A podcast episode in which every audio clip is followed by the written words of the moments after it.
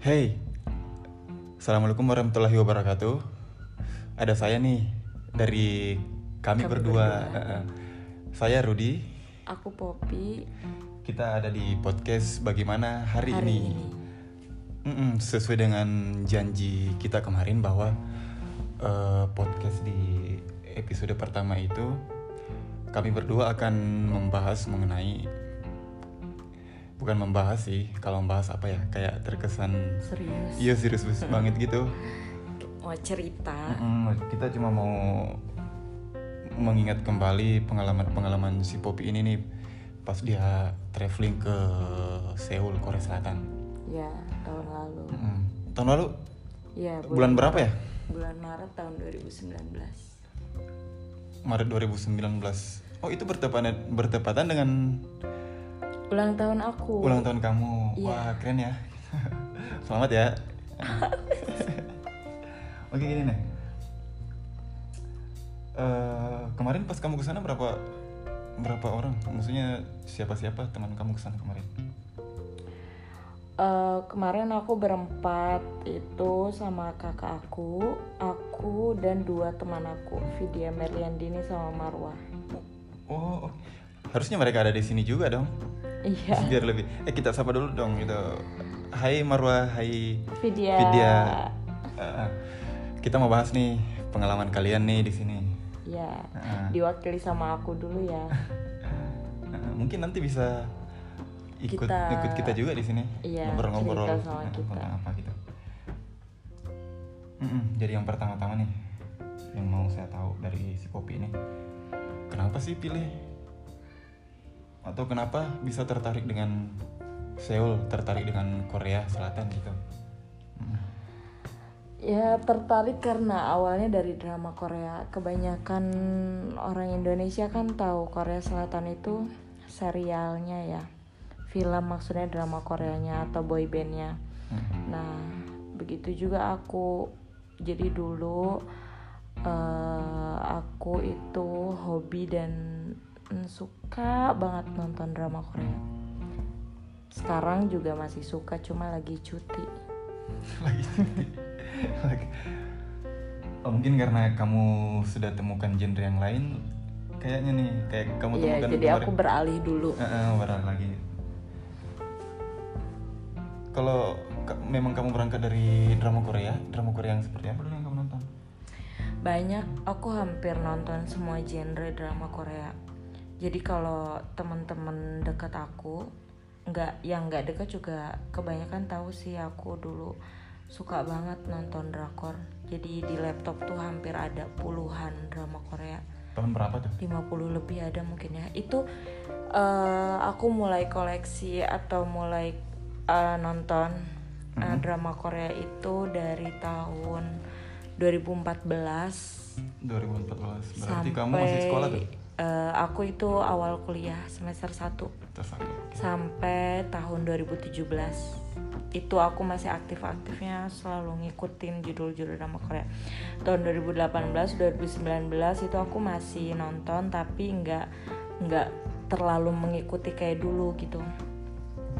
Jadi selama rentan waktu itu aku selalu eh, ngikutin selain drama Korea aku juga ngikutin eh, reality show-nya. Jadi mereka juga kan banyak acara? TV-nya ya aku juga ngikutin salah satunya kayak Running Man eh, terus cerita ayah sama anak. Kayak acara-acara televisinya juga aku ikuti Ih, ah, by the way gimana tuh cara nontonnya kan? Tahun tahun tahun segitu kan belum ramai tuh eh, aplikasi berbayar aplikasi ya ya aplikasi streaming streaming berbayar. kayak gitu kan. Iya. ya pasti download lah harus bisa download terus pakai IDM dan kalau. IDM-nya expired harus harus bisa masukin serial numbernya. Fake serial fake serial gitu iya. Iya, saya juga pernah itu pernah bergelut bukan pernah sampai sekarang itu itu wajib sekali itu bagi orang-orang yang suka film gitu. Iyalah harus. Oke nih satu judul dong sebelum kita itu sebelum kita masuk ke cerita yang inti gitu Eh, kalau rekomendasi drama Korea dari aku eh, kalau diminta satu judul pasti aku rekomendasiin Replay 1988. Hmm, kenapa tuh? Jadi karena setelah nonton drama itu uh, selera tontonan serial Koreaku jadi lebih tinggi mungkin ya kalau bisa dibilang. Terus jadi lebih selektif sih kalau mau nonton drama Korea karena apa ya? Kayak setelah nonton drama itu perasaanku jadi kayak hangat, kayak ngasih perasaan hangat ke diri kita gitu. Hmm. Iya karena itu kan ceritanya tentang keluarga, Keluarga. pertemanan, Hmm. ada ro- ada romansnya juga, Hmm. ada percintaannya juga lengkap lah, humor. Hmm, oh mungkin singkatnya itu bercerita tentang bagaimana hubungan sosial It- itu latarnya di mana sih? Iya itu di, latarnya di Seoul. di, di kota Seoul tahun 88. eh iya Atau kalau nggak salah di kota Seoul tapi tahunnya itu tahun 88 jadi kayak eh, perabotan rumahnya terus alat-alat syuting yang ditampilkan itu eh, maksudnya kayak perkakas rumah dan sebagainya itu Properti lah. Iya, itu di tahun tau ya uh, properti yang ada di tahun 88 pas di Korea gitu. Hmm, iya saya sempat dengar juga itu kalau katanya yang paling bikin orang betah nonton itu karena karena properti pada eh, di film itu sangat menggambarkan tahun 88 di Korea Selatan Iya, pada waktu betul. itu. Heeh. Soalnya saya pernah sekilas dengar itu dari podcastnya Mbak Lela Hudori Sama Dian Sastro. dengan Dian Sastro. Ah gini nih. Eh, wah kayaknya menarik ini ya tentang tentang drakor ini kayaknya kita mesti bikin satu episode nih. Boleh nih nanti Ah. kita bahas khusus untuk itu. Tapi kamu harus ingat-ingat lagi dulu drakor-drakor yang pernah kamu nonton. Iyalah. Nah, biar lebih tahu. Oke. eh, kita eh, kita ke cerita inti nih tentang pengalaman kamu ke Seoul. Seoul gitu. Sebagai modal awal, dalam artian apa sih yang mesti dipersiapkan sebelum berencana gitu? Sebelum berencana nih, bukan sebelum berangkat, sebelum berencana. Apa Iya. sih yang dipersiapkan menurut kamu? Eh, menurut aku yang mesti dipersiapkan ya ya mental lah. Mental. Maksudnya mental eh, jiwa traveling kita harus Iya. dibangkitkan dulu. Iya betul betul. apalagi kita mau pergi ke negara yang jaraknya nggak bisa dibilang dekat dari negara kita karena kan walaupun masih satu benua Asia cuma ini kan di luar dari Asia Tenggara kan Iya betul. betul. yang kulturnya udah beda dari kita gitu kalau ke Malaysia Singapura oke lah masih ada beberapa yang mayoritas eh, sama sama kita kalau ini kan enggak gitu. Setelah itu persiapan lainnya ya seperti persiapan-persiapan orang mau keluar negeri. Pertama kita harus punya paspor dan kedua eh, kita harus punya visa karena Korea itu eh, maksudnya karena Indonesia belum apa belum bebas visa ke Korea kan. Jadi kita harus siapkan visa.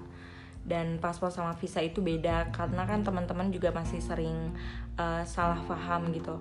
Uh, apa sih namanya salah pengertian bahwa paspor sama visa itu sama. Aku bilang di sini beda ya. Jadi kalau paspor itu kayak KTP kayak tanda pengenal kita tapi bisa digunakan di seluruh negara. Maksudnya di semua negara. Kalau visa itu kayak izin tinggal.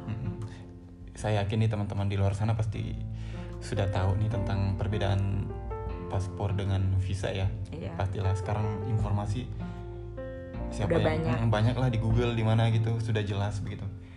Tapi enggak apa-apa sih kita eh, Poppy ceritakan sedikit dokumen-dokumen yang teman-teman harus persiapkan buat bikin visa ini. Kalau paspor kan udah banyak sudah banyak kan di kantor imigrasi di setiap daerah kan ada. Iya. Beda dengan visa. Visa kan harus dibikin di kedubes kan? iya Heeh. Nah, kalau visa, eh, kalau ke Korea Selatan waktu itu yang dokumen yang aku persiapkan itu pertama eh, paspor asli kita. Paspor aslinya itu minimal harus eh, enam bulan sebelum hangus, sebelum expired. Oke.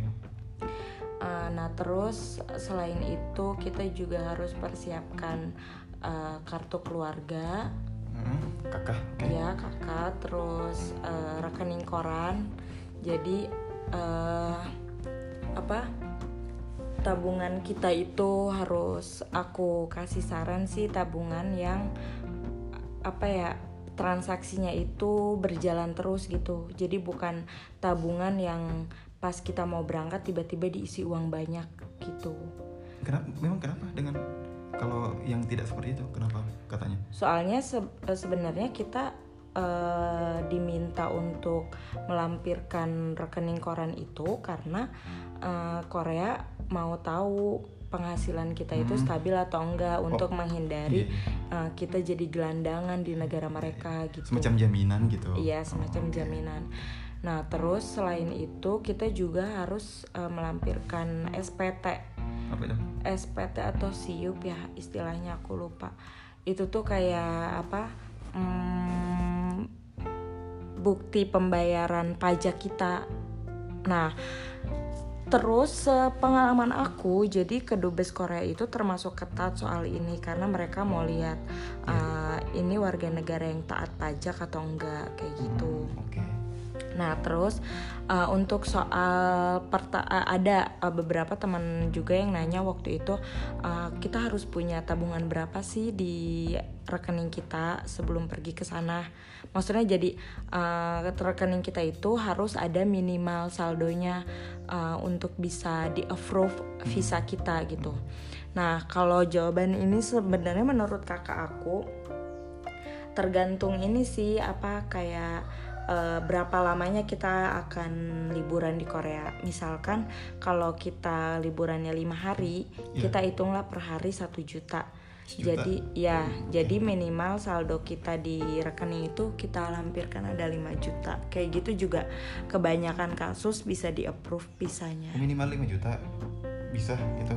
Eh, itu kalau misalkan kita lima hari itu Lima hari. cuma, mm-mm. makanya kita estimasiin kayak sehari satu juta lah gitu.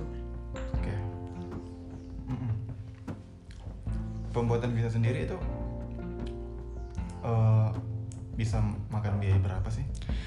Kalau untuk visa jenis eh, wisatawan ya, Hmm. kan itu berlakunya kalau nggak salah 90 hari, cuma tiga bulan. Nah itu waktu itu aku 560.000 ribu. Nah itu bayarnya itu kita bayar dulu ke Bank Hana. Jadi di depan kedubes Korea itu ada Bank Hana. Jadi kita bayar dulu ke situ. Setelah itu kita bawa apa eh, resinya, maksudnya bukti pembayaran. Udah deh kita masuk ke kedubes Korea dengan dokumen dokumen yang kita bawa. Oke. eh, untuk eh, info-info lebih lanjutnya kan bisa teman-teman cari tahu di di Google atau di mana kan gitu. Iya. Yang lebih jelasnya ini cuma gambaran sedikit. Secuil lah gambaran dari kita. Iya, sesuai mm-mm. pengalaman Sesuai aku. pengalaman pribadi kamu. Nah, eh, saya ingin tahu nih eh, apa-apa saja sih yang kamu bawa Pop kayak katakanlah pakaian yang seperti apa yang kamu persiapkan sebelum ke sana. Soalnya kan iklim di sana kan beda dengan di sini. Bisa diceritakan sedikit dong? Apa? Bisa lah. Mm-mm, ya. Eh, waktu itu yang harus dibawa eh, karena aku kan ke sana bulan Maret ya. Jadi eh, itu masih per- eh, apa sih musim peralihan dari musim dingin ke musim semi. Masih dingin kan. Nah, jadi eh, yang harus dibawa itu ya baju-baju dingin. Oh, jadi gini. baju dingin terus peralatan pribadi kayak skincare apa kayak gitu terus obat-obatan itu yang penting terus Eh, obat misalnya? eh, kalau aku sih kalau traveling pasti selalu bawa tolak angin fresh care kayu putih Minyak gosok Atau- balsem. Enggak paling itu diwakili sama fresh care dan kayu putih kan cukup Wah, kayaknya harus bawa balsem juga dong. Kan mau jalan kaki. Di sana kan kebanyakan jalan kaki kita. Terus eh, obat-obatan pribadi sih misalkan kalian punya penyakit mah ya bawa obat mah kalian atau kalian punya atau kalian apa sih namanya kayak punya eh, diare dadakan kalau makan makanan yang beda sama di tempat kalian ya bawa obat diare kayak gitu. Oke. Yang paling penting itu sih selebihnya ya peralatan pribadi kalian, entah itu kamera atau apa pun itu. Wah itu wajib lah itu. Iya. Gini nih. Misal nih saya mau bawa makanan nih dari sini. Misal saya mau bawa telur nih. Biar lebih irit di sana. Saya mau bawa mie, mau bawa beras. Itu gimana tuh? Eh, kalau misalkan bawa-bawa makanan kayak gitu bagus ya karena bisa menghemat budget kita Ah, soal oke. makanan apalagi waktu itu tempat tinggal aku itu bisa masakan. Nah, ya. Nah jadi eh tapi kalau nggak telur juga sih yang dibawa paling kayak mie instan atau roti. Atau paling ayam ayam crispy kalau ada ayam favorit di sini bisa Iya. dibawa di sana terus dipanasi di sana kan. Bisa cuma kan karena perjalanannya 9 jam di pesawat jadi waktu itu aku eh, sama kakakku dan dua temanku itu kita nggak bawa makanan paling cuma cemilan Hmm. buat nemenin selama di apa sih pesawat gitu atau itu juga habis sehari sa maksudnya eh, makanannya itu udah habis eh, cuma sehari pas udah di Korea itu udah habis gitu Oh jangan-jangan kalian ke sana cuma buat makan nih sehari habis. Hmm. Oke nih next. Ehm, katakanlah kamu sudah di pesawat nih 9 jam di atas pesawat gitu. Gimana sih rasanya? Yang selama ini kamu idam-idamkan dan kamu sudah lihat jam wah sejam lagi kita sampai nih. Wah, dua menit lagi pesawat sampai nih di di bandara nih. Sebenarnya- Gimana sih rasanya kamu? nggak nyangka sih karena Korea tuh negara yang aku impikan banget maksudnya salah satu negara yang aku impikan karena eh, setiap hari dulu aku nontonnya itu serial Korea Oke. kayak aku lihat apa sih kehidupan di sana lewat eh, drama Korea gitu kan. Makanannya jalanan malamnya Hmm, gitu. Suasana kota gitu. ya suasana kotanya. Jadi aku ya nggak nyangka sebenarnya. Karena kan eh udah suka drama Korea juga dari dulu banget.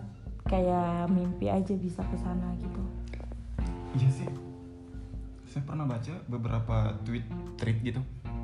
Orang-orang yang terinspirasi punya impian dari dari musik yang mereka dengar, dari film yang mereka nonton atau kegemaran mereka tentang boyband. Itu banyak loh yang berangkat ke sana. Banyak yang kuliah di sana gara-gara itu entah mereka dapat beasiswa atau apa pun gitu mendapat hadiah dari seorang atau dikuliahkan di sana gara-gara dia begitu gandrungnya dengan itu?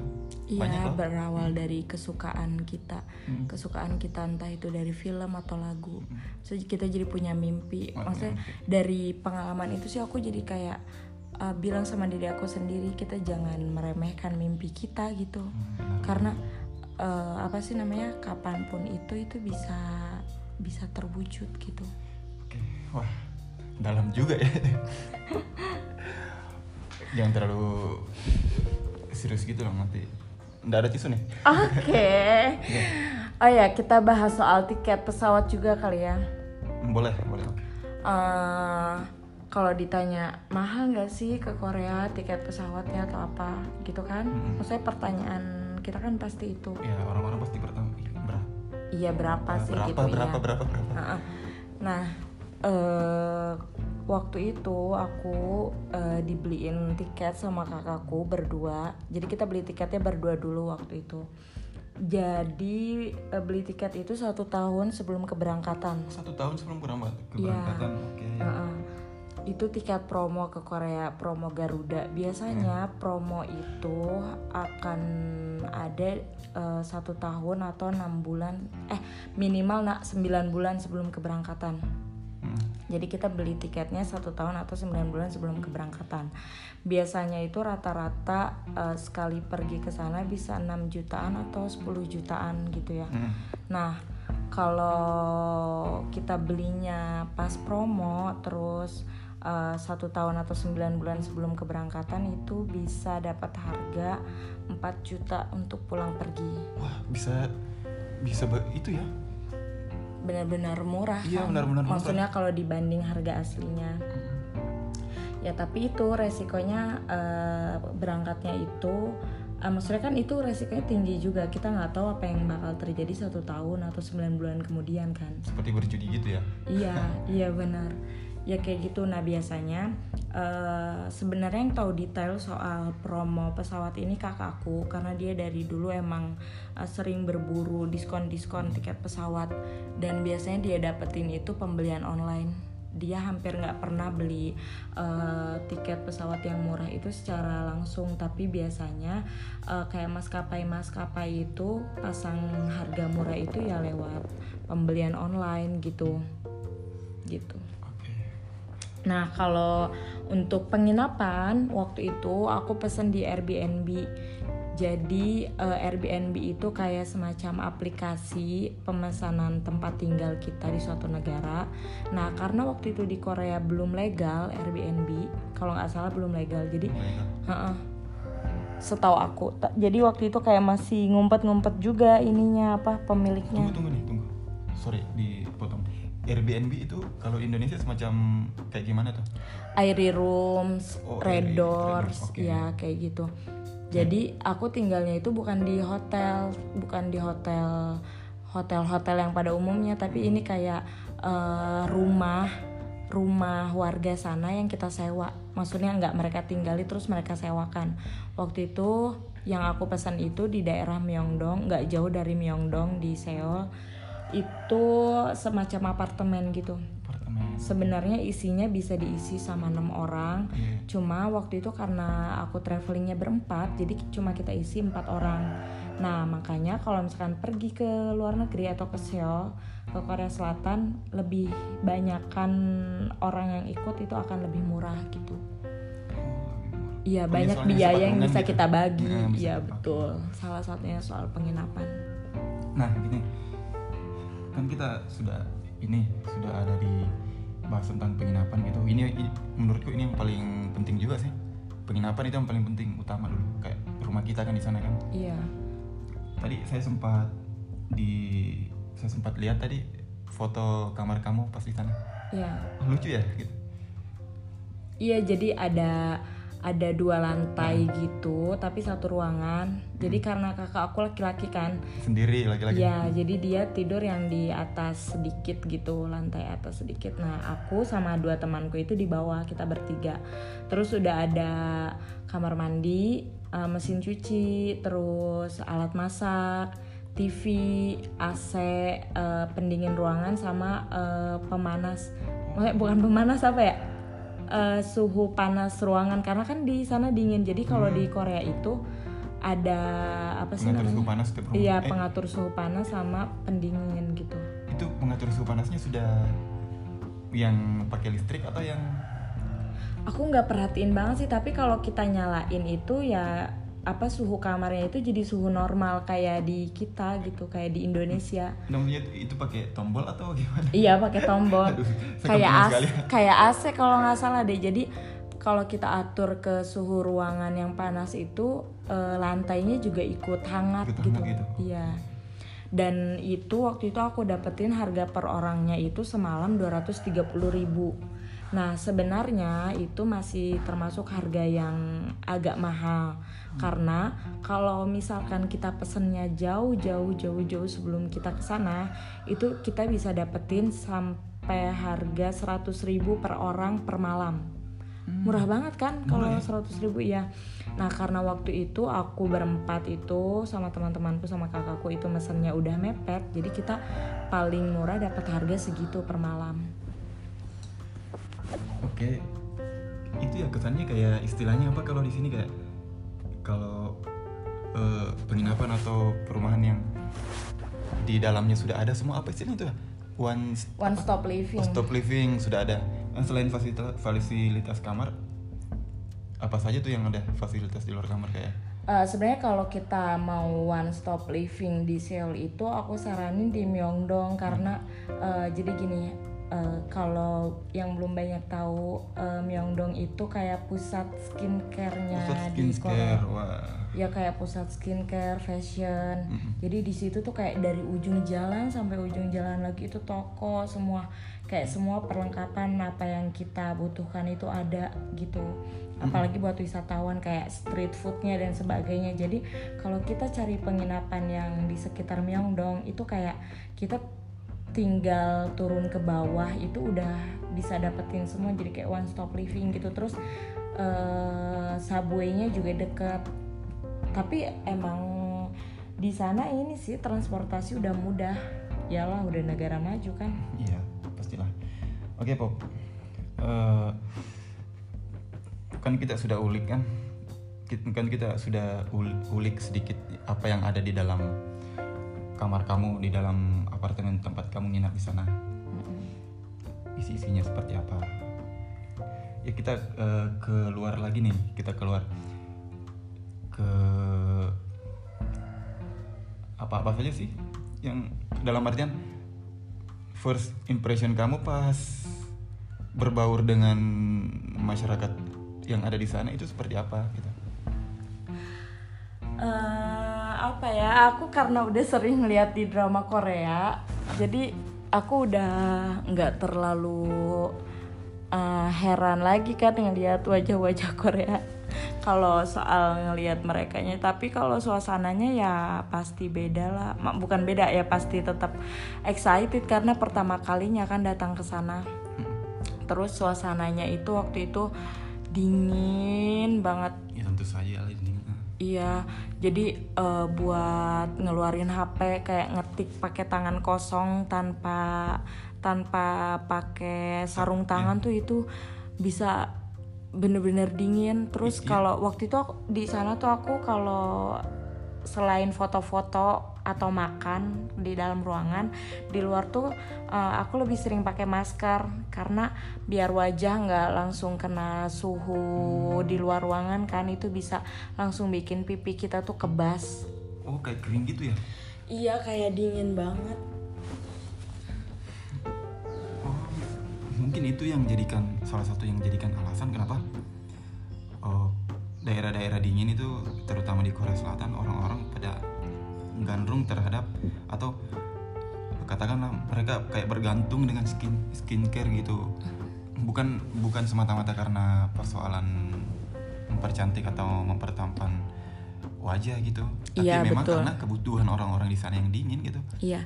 Jadi uh, pas di sana juga aku ketemu sama temen kakakku yang kuliah di Korea. Dia laki-laki. Yeah. nah terus uh, kakakku cerita dia dulu tuh cuek banget selepas di Indonesia gitu ya. Cuek banget sama perawatan kulit dan sebagainya. Tapi pas kemarin kita ketemu di sana uh, peralatan di tasnya tuh uh, banyak skincare yeah. karena memang kebutuhan, gitu. kebutuhan gitu padahal dia laki-laki uh, salah satunya itu pelembab bibir terus uh, pelembab kulit hmm. uh, buat tangan dan sebagainya jadi kalau kita nggak pakai uh, skincare itu maksudnya kayak pelembab bibir pelembab buat tangan buat kulit kayak gitu kita uh, kulit kita akan cepet kering gitu wah kayaknya suasana yang kayak gini teman-teman kita yang suka mendaki pasti tahu lah gitu. Iya. Kalau orang di suasana dingin itu pasti akan kebas kulit akan uh, kering bibir gitu. Iya. Hmm, makanya orang biasanya bawa madu atau apa gitu. Nah ini pop. Selama kamu di sana tentunya anda berdiam dong anda banyak berdiam dong di di kamar. Enggak lah namanya traveling kayak gitu pasti kita pengen keluar terus. Ah ke mana?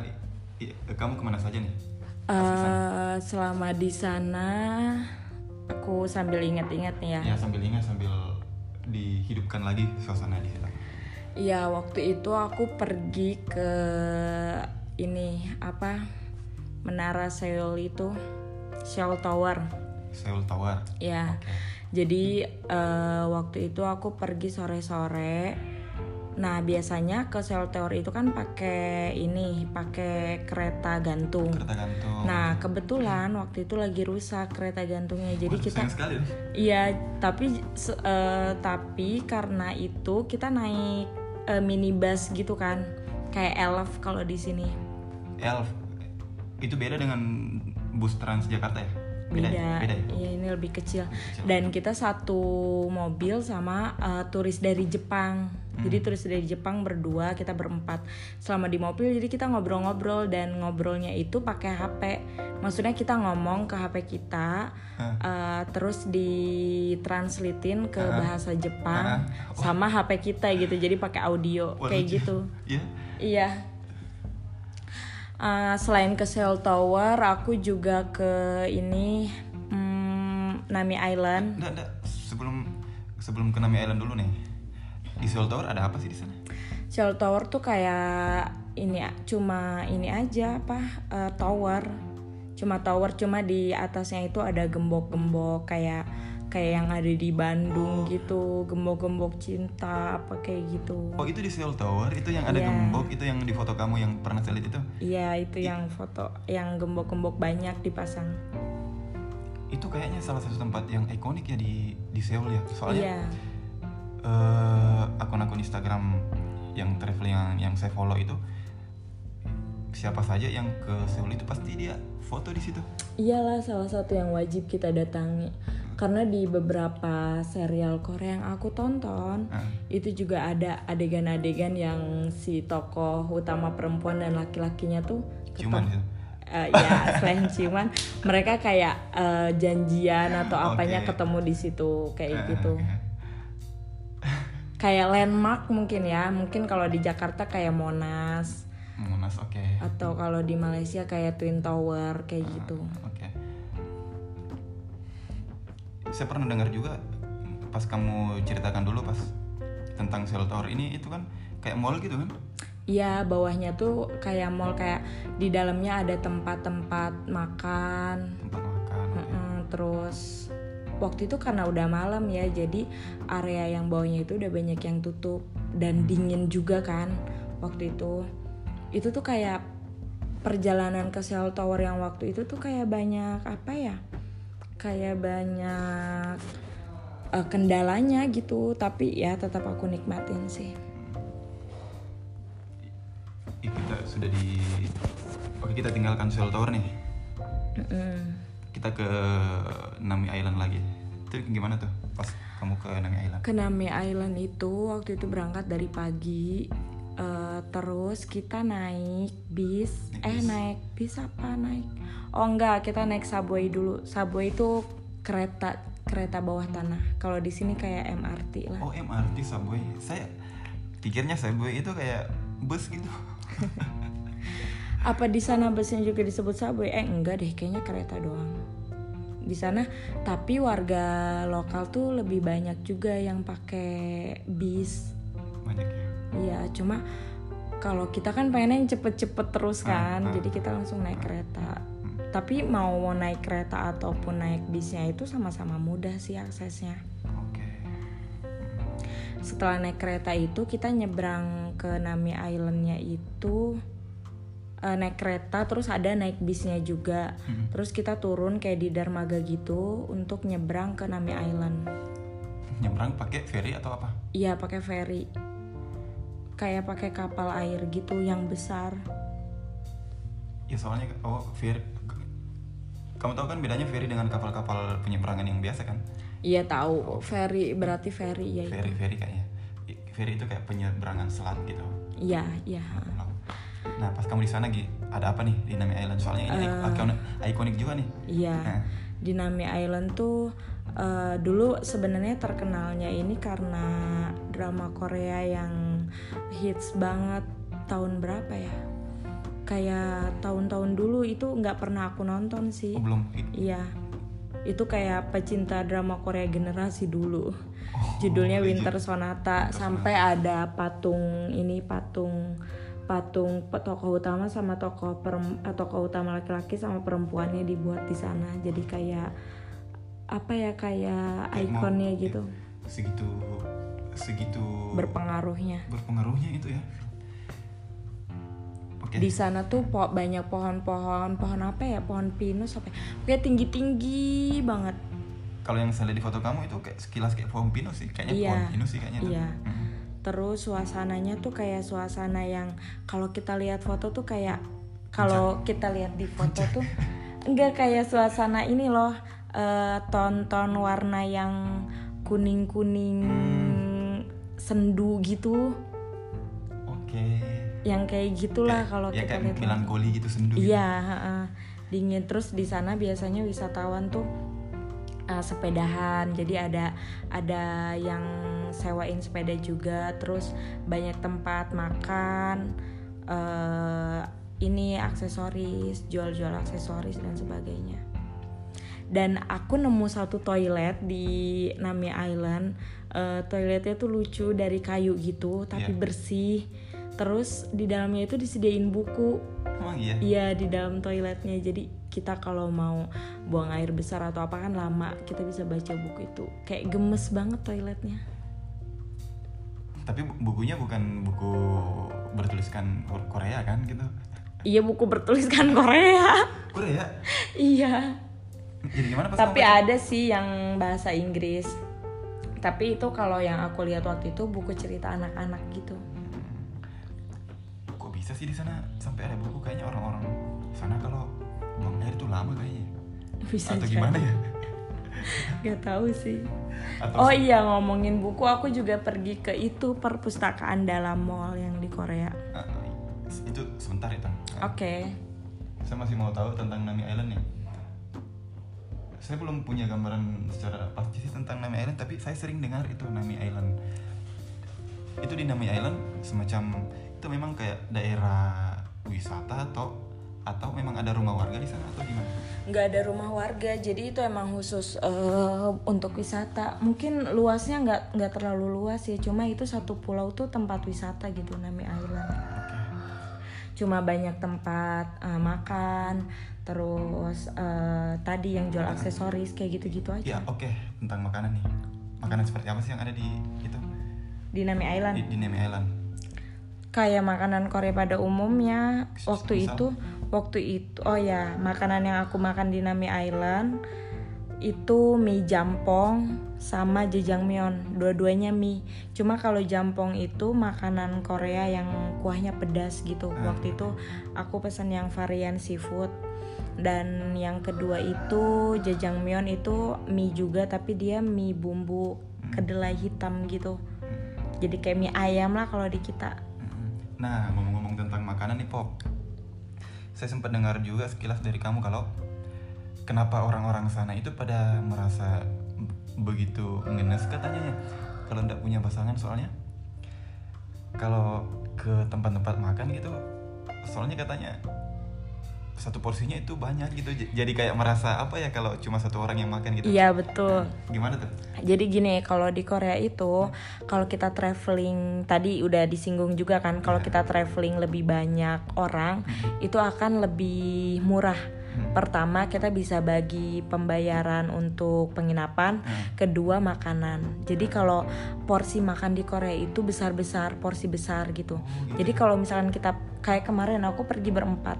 Jadi kita cukup pesan satu porsi tuh udah bisa kita bagi empat gitu. iya Eh, makanya kenapa di sana itu eh, jarang yang pergi makan itu sendirian ke te- ke restoran atau tempat makan karena porsi di sana itu porsi-porsi besar gitu. Jadi mereka lebih banyak sama temennya atau sama pasangannya. Cuma memang di Korea banyak yang berpasangan sih. Sejauh yang eh selama aku liburan di sana itu, aku banyak nemuin pasangan-pasangan lucu di sana. Lucu Maksudnya lucu yang gemes yang Ah. emang kayak di drama Korea gitu. Oh, Berarti orang-orang bikin drama Korea memang karena di sana orang-orang di sana memang pada romantis atau gimana sih menurut kamu? Menurut kamu gitu? Kalau menurut aku sih karena nggak lama juga ya di sana. Ya bisa jadi kayak gitu atau bisa jadi drama Korea yang menginspirasi mereka. Drama Korea yang menginspirasi mereka atau atau Drama Korea yang terinspirasi dari kehidupan nyatanya gitu. Heeh. nggak tahu sih kalau itu cuma Iya. waktu itu pernah ada kejadian eh, apa sih namanya kan aku mau turun ke satu mall gitu Hmm. nah pas mau turun di eskalator sebelah itu ada perempuan pakai pakai jaket dingin yang couple sama cowoknya Eh, jadi si perempuan itu udah duluan naik terus tiba-tiba ada cowok yang sama pakai jaket yang sama kayak dia ngejar-ngejar dia terus bawain bunga gitu langsung dicium di eskalator itu Waduh, ya oke. kayak kayak di drama Korea banget kan Bukan. Kayaknya kamu udah adil deh kalau bilang drama Korea banget soalnya kan orang sana mungkin memang seperti itu budayanya. iya bisa jadi Saya yakin kalau apa yang ada di drama Korea itu mereka angkat dari kehidupan nyata orang-orang sana, pastilah itu. iya Oke nih kita lanjut nih Eh, tentang perpustakaan yang kamu datangi tadi tuh. Mm-mm. Itu perpustakaan apa namanya tuh? Soalnya ya, ikonik juga tuh. Eh, kalau nggak salah namanya Choex Starfield Library.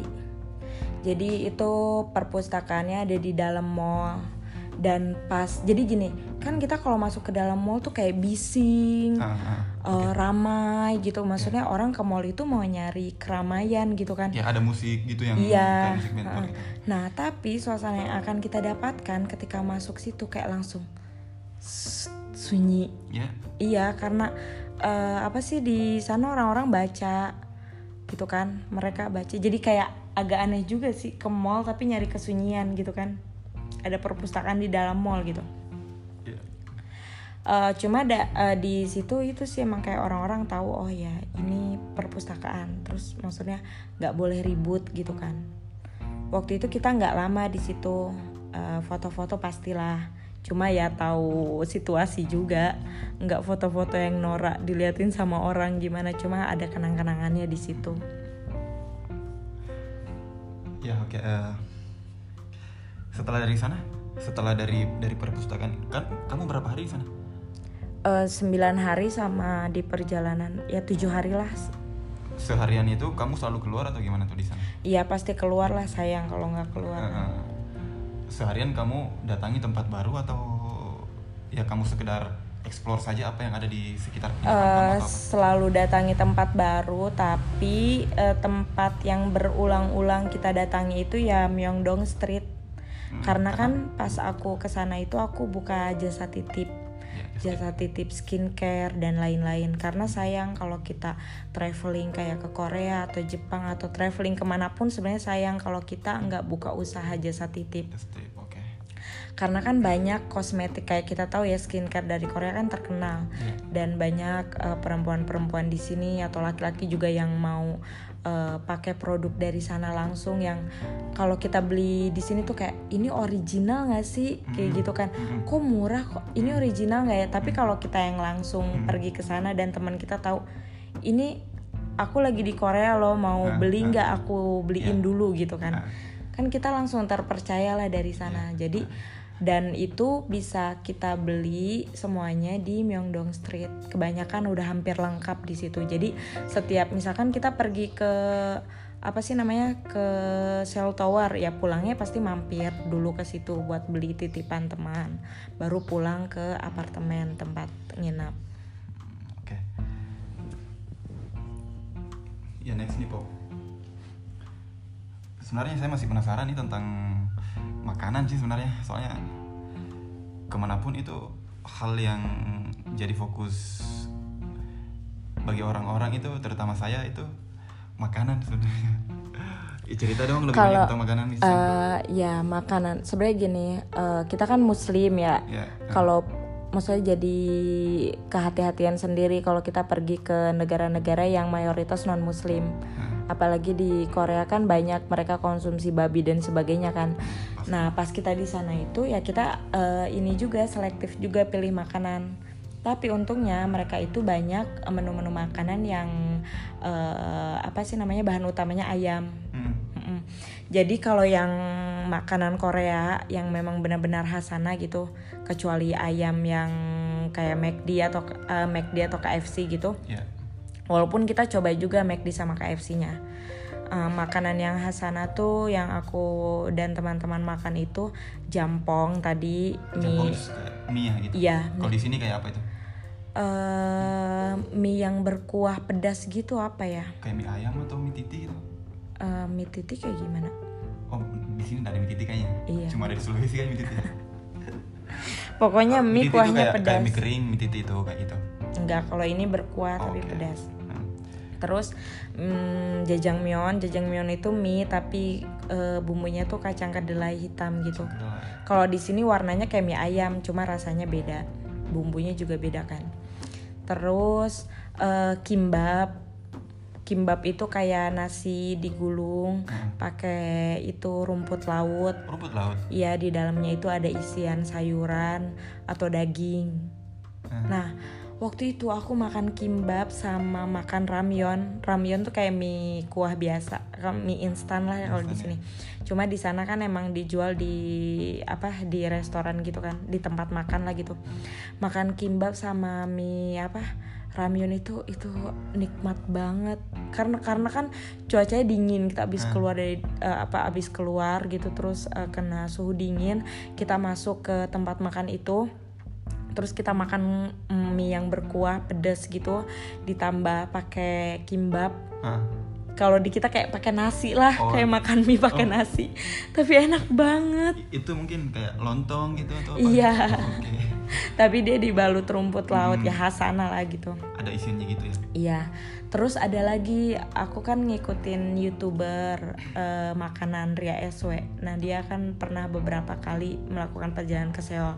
Ada satu warung makanan yang dia rekomendasiin itu makanan, aduh aku lupa namanya. Pokoknya ceker tanpa tulang, jadi kayak ceker lunak gitu, ceker ayam. Tapi iya, tapi pas kita makan itu udah nggak ada tulangnya sama sekali, jadi langsung bisa kita makan semua. Tapi masih berbentuk ceker Iya, tapi masih berbentuk ceker. Cuma baunya itu enak banget. Dan oh iya sama topoki. Jadi warung makannya itu dia ituin topoki sama ceker tanpa tulang itu. Topoki ini saya sering lihat itu nih di film-film Korea nih Topoki Iya. gitu kayak jajanan-jajanan di pinggir jalan sini Iya kayak street street foodnya. food gitu ya oke Kalau di kita mah kayak seblak mungkin Sebelah ya. mungkin cimol atau apa Kayak sebenarnya itu kue beras gitu. kue beras Uh-uh. ah ini menyangkut menurut kamu kebanyakan kue di sana itu berbahan dasar apa sih Kayak- Tepung sih, maksudnya Tepung kayak makan kebanyakan. makanannya ya. Kayak ini topoki juga. Dan oh ya di yang aku makan itu emang topoki. Jadi gini di Korea itu setahu aku, maksudnya selama aku di sana bumbu-bumbunya itu merah tapi nggak pedes. Pedas ya Maksudnya nggak sepedes yang di sini. Di sini tuh kalau pedes ya beneran pedes gitu kan. Kalau di sana tuh ya bumbunya aja merah. Kecuali warung makan yang aku coba itu, yang warung makan topoki sama ceker ya ceker apa sih tanpa tulang itu beneran emang ngerasa kayak di Indonesia makanya itu nggak terlupakan sama aku kayak wah cocok banget nih sama lidah Indonesia kayak gitu. Nah kalau kalian ke Myeongdong, Myeongdong Street itu banyak juga makanan dari ujung sampai ujung itu makanan semua. Nah salah satu favorit aku itu ada odeng. Odeng tuh kayak kue ikan. odeng ya Itu kuahnya enak banget, gurih. Jadi kita makan sambil diri itu langsung di itunya. itu kuahnya kayak gimana kayak kayak kental ya gitu Eh, enggak, dia kuahnya kayak kuah yang menyegarkan, kuah sop. Hmm, kayak Kuah sop sop yang bikin badan tuh langsung kayak ngerasa sehat. gitu. hangat gitu Iya, hangat. Terus di eh, aku coba juga ada kue kue ini apa ya namanya? Aduh, aku lupa. Ah, lupa namanya Oh, tapi kamu harus kenal lagi nih sama saya Amin. Kayaknya cukup deh bahas makanan. oke bahas makanan cukup ya Eh, eh, pas kamu di sana kamu sebutkan saja deh satu-satu tempat-tempat yang kamu datangi di sana. Wah sudah 48 menit ya. Wah, lama juga sih. Oke kamu sebutkan saja Pop. Tempat-tempat yang pernah kamu kamu i- seingat kamu ke mana saja selama hampir semingguan itu eh tempat yang didatangi itu tadi yang udah kita sebut ya? Mm. Ah, Seoul Tower terus Nami Shell Tower, Island Nami Island ah. terus uh, Choex uh, Starfield Starfield Library itu. Yang perpustakaan ya? Ya terus eh, kita ke ini juga SM Entertainment. Apa itu? SM Entertainment tuh salah satu agensi di Korea. Agensi. Agensi artis kayak boy band kok terus kamu, artis kok kamu bisa ke sana kamu mau jadi girl band di sana? Karena kan eh, kalau di sana itu apa sih namanya jadi kayak agensi itu mereka buka toko gitu jadi khusus merchandise merchandise artis mereka. oke oke oke. Nah kalau SM itu kan salah satu agensi yang besar di sana Iya, kan. iya, iya. jadi kayak ada satu mall gitu di sana emang eh, setiap lantainya itu misalkan lantai satu itu kayak foto-foto atau lukisan-lukisan artis yang tergabung di agensi mereka. lantai duanya itu kayak ada kafenya terus jual kayak album-album asli Iya, mereka kayak gitu. Nah karena kebetulan waktu itu ada yang eh, titip beli album ke Hmm. teman aku ke Vidya jadi kita pergi ke situ album apa tuh album eh, K-pop atau apa? Iya album K-pop. Kalau nggak, eh aku lupa boyband apa tapi eh, yang salah satu yang tergabung di agensi SM Entertainment. Nah terus kita juga pergi ke Gangnam, Gangnam Street.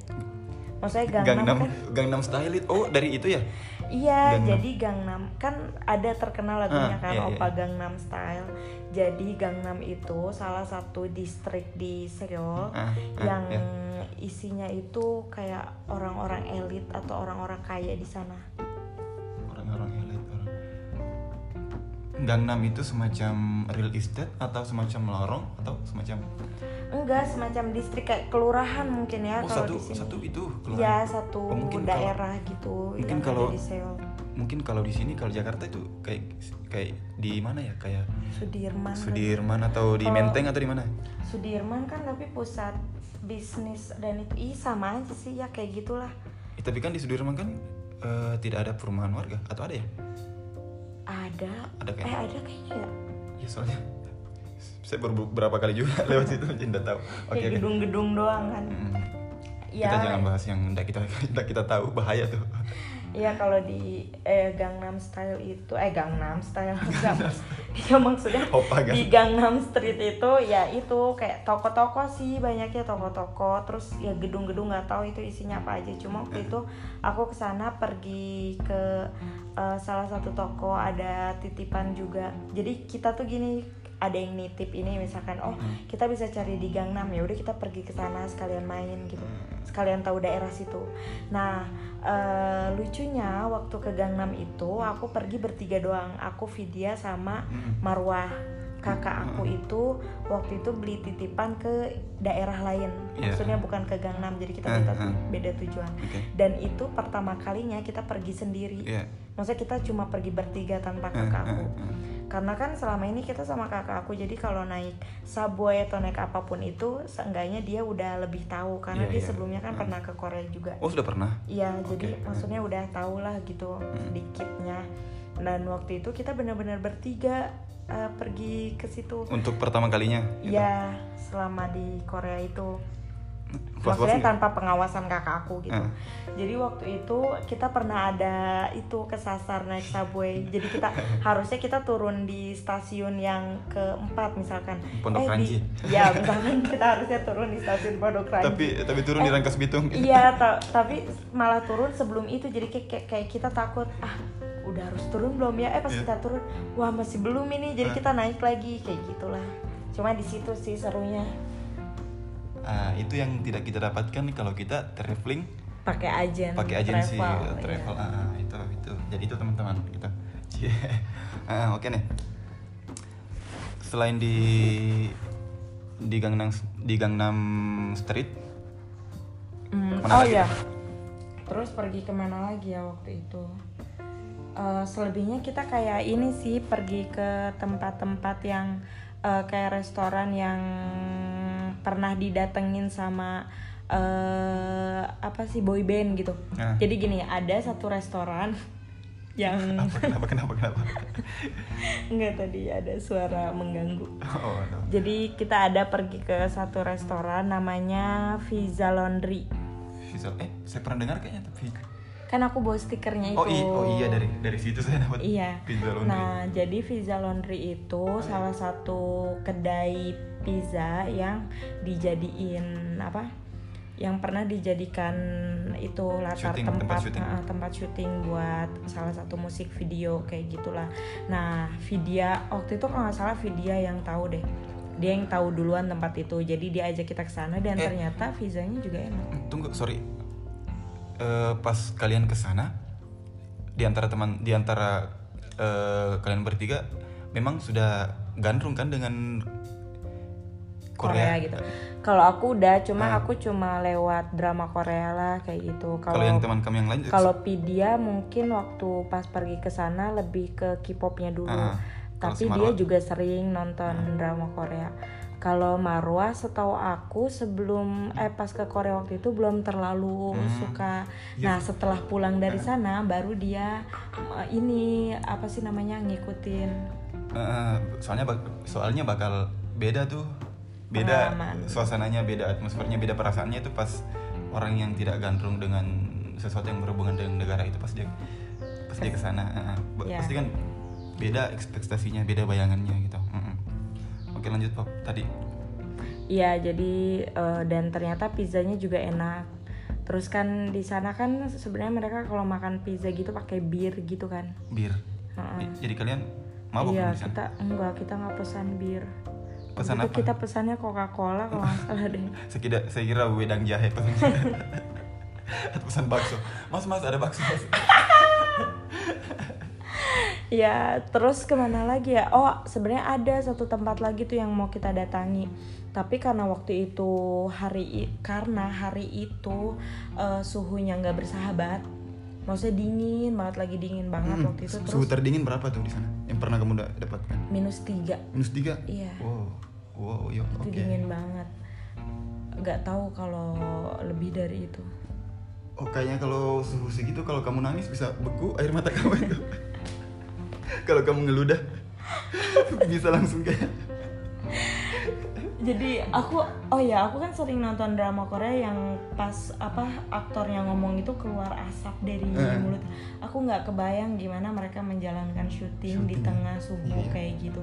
Mungkin mereka udah terbiasa juga karena dari Hmm. kecil hidup di sana kan.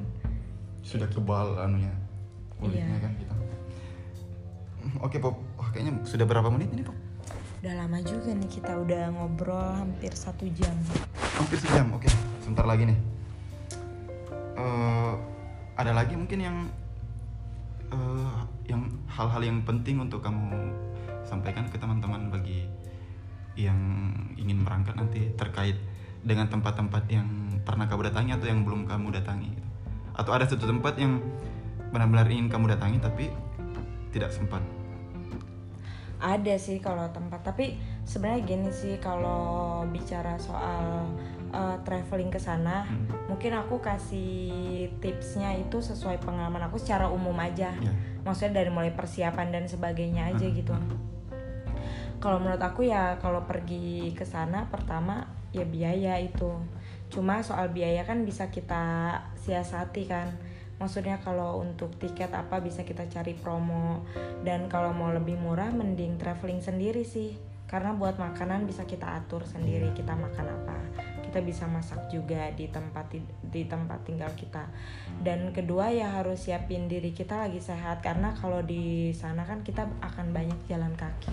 Jalan kaki oke. Kan banyak jalan kaki. Terus eh, kalau soal bahasa nih kalau soal bahasa di Korea memang belum banyak yang bisa bahasa Inggris tapi eh, bahasa nggak menghalangi kok maksudnya sekarang teknologi itu udah canggih kan Iya. yang penting eh, HP kita ada SIM cardnya eh maksudnya ada koneksi wifi-nya Ah, ini ini yang dari tadi mau kutanyakan pop Oh, iya, gimana lupa. tentang ya kalian selama di sana kan pakai itu jaringan Mm-mm. dari mana tuh jaringannya soalnya kan mau Google Translate pakai jaringan tuh Ya, jadi kita eh, pesan WiFi Pocket dari sini.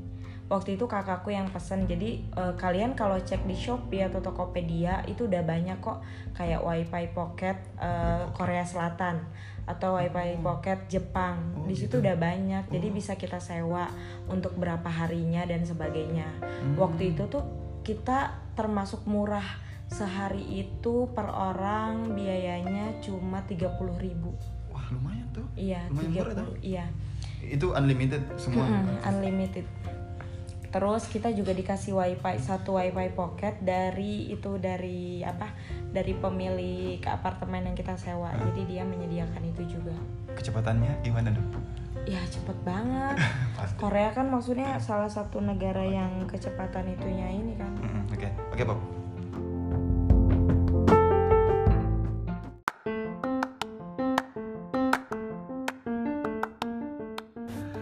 Iya oke sorry teman-teman. Tadi sempat terpotong soalnya. Ternyata di di Ancor itu batasnya cuma Satu jam. satu jam cuma 60 menit. Jadi terpotong tadi tiba-tiba dan kita sudah bicara panjang lebar ternyata terpotong. Jadi tidak tersave.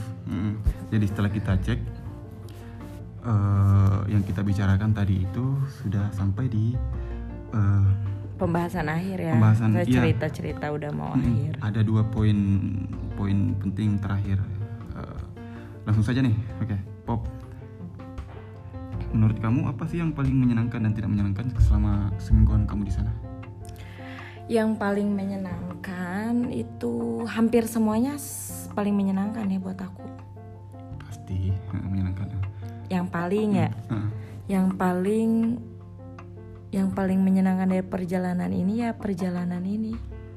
perjalanannya gitu, eh, rangkaian perjalanannya. Iya. Maksudnya kalau karena aku suka banget kan sama Korea, sama walaupun cuma pergi ke Seoulnya. Iya. Jadi ya itu menyenangkan gitu kayak membayangkannya aja menyenangkan Hmm, apalagi aku hmm. pergi ke sananya. Jadi aku sulit jawab yang itu. Kalau yang paling tidak menyenangkannya itu ya itu sih penyesuaian sama suhu udara Suhu di ya? sana Suhu. karena eh jad- karena suhu penyesuaian suhu udara itu bikin kulit aku kering terus waktu itu aku sempat gatel-gatel yang merah bener-bener gatel yang gatel banget Alergi ya mungkin. iya alergi sama suhu udara nah jadi eh, waktu itu aku itu mandi dua kali sehari kan Mm. Nah, sebenarnya katanya kalau misalkan suhu dingin kayak gitu kita jangan sering-sering mandi Karena karena bikin kulit jadi kering. kok kering sih? Saya kira kan dibasahi itu jadi tidak kering kalau kita Iya, aku pikir juga gitu. Terus sampai waktu itu saking gatelnya itu kan eh, ada mandi pakai air hangatnya gitu kan. Heeh. Aku sampai kayak atur ke hampir panas gitu buat siram kulit aku yang gatel itu. Eh, pas mandinya tetap aja habis mandi masih gatel banget. Mm. Ya, jadi eh, apa sih namanya katanya jangan sering-sering mandi tapi eh, lembab bikin lembab apa sih namanya kulit kita pakai pelembab eh, kulit kayak hand body apa kayak gitu katanya. Oke. Itu yang paling apa paling tidak menyenangkannya. Mm-mm. Karena ini sudah ada di akhir pembicaraan, ada baiknya nih Poppy kasih apa semacam tips gitu buat teman-teman yang yang ingin yang punya rencana ke sana, Ya. biar teman-teman bisa mempersiapkan jauh-jauh hari gitu.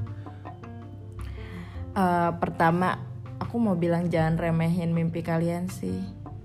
Ya. mm. kalau soal ini karena kalau kita pikir sekarang sama keadaan kayak apa sih lagi pandemi gini terus ah kayaknya nggak ada ini Harap- lagi. harapan harapan lagi. lagi, Eh. buat pergi keluar apa? Maksudnya harapan itu pasti selalu ada. Maksudnya Iya. simpan terus itu Iya. gitu.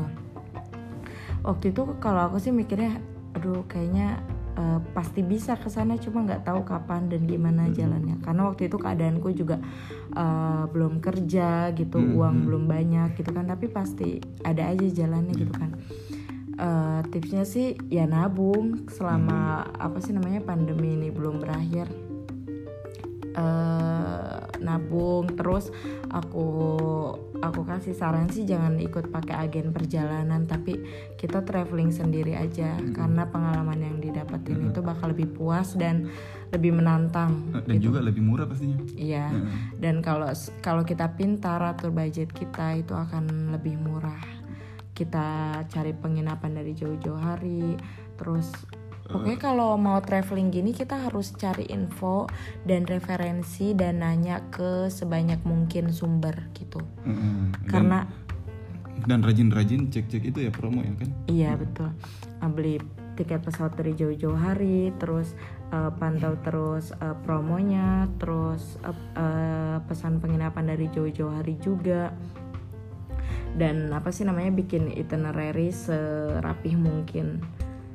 Itinerary kayak apa tuh? Eh, itu kayak rencana perjalanan kita. Jadi hari pertama kita mau ke mana aja, jam berapa, makannya di mana, Oke. naik eh, rutenya kayak gimana, kayak gitu. Jadi waktu itu apa eh, kita udah bikin itinerary itu serapi mungkin. Jadi kita sebelum pergi ke sana kita udah tahu kita harus turun di stasiun mana, naik subway apa dan sebagainya. Dan kita cari tahu dari kita di Indonesia dengan modal Google maksudnya dengan modal internet gitu Oke. dan eh, setelah itu eh, tipsnya lagi itu eh, apa ya Hmm, udah sih itu. Hmm, Cukup simpel juga sih sebenarnya. Iya. Nggak terlalu yang apa ya, tidak susu, tidak serumit yang mungkin yang teman-teman atau saya nih contohnya.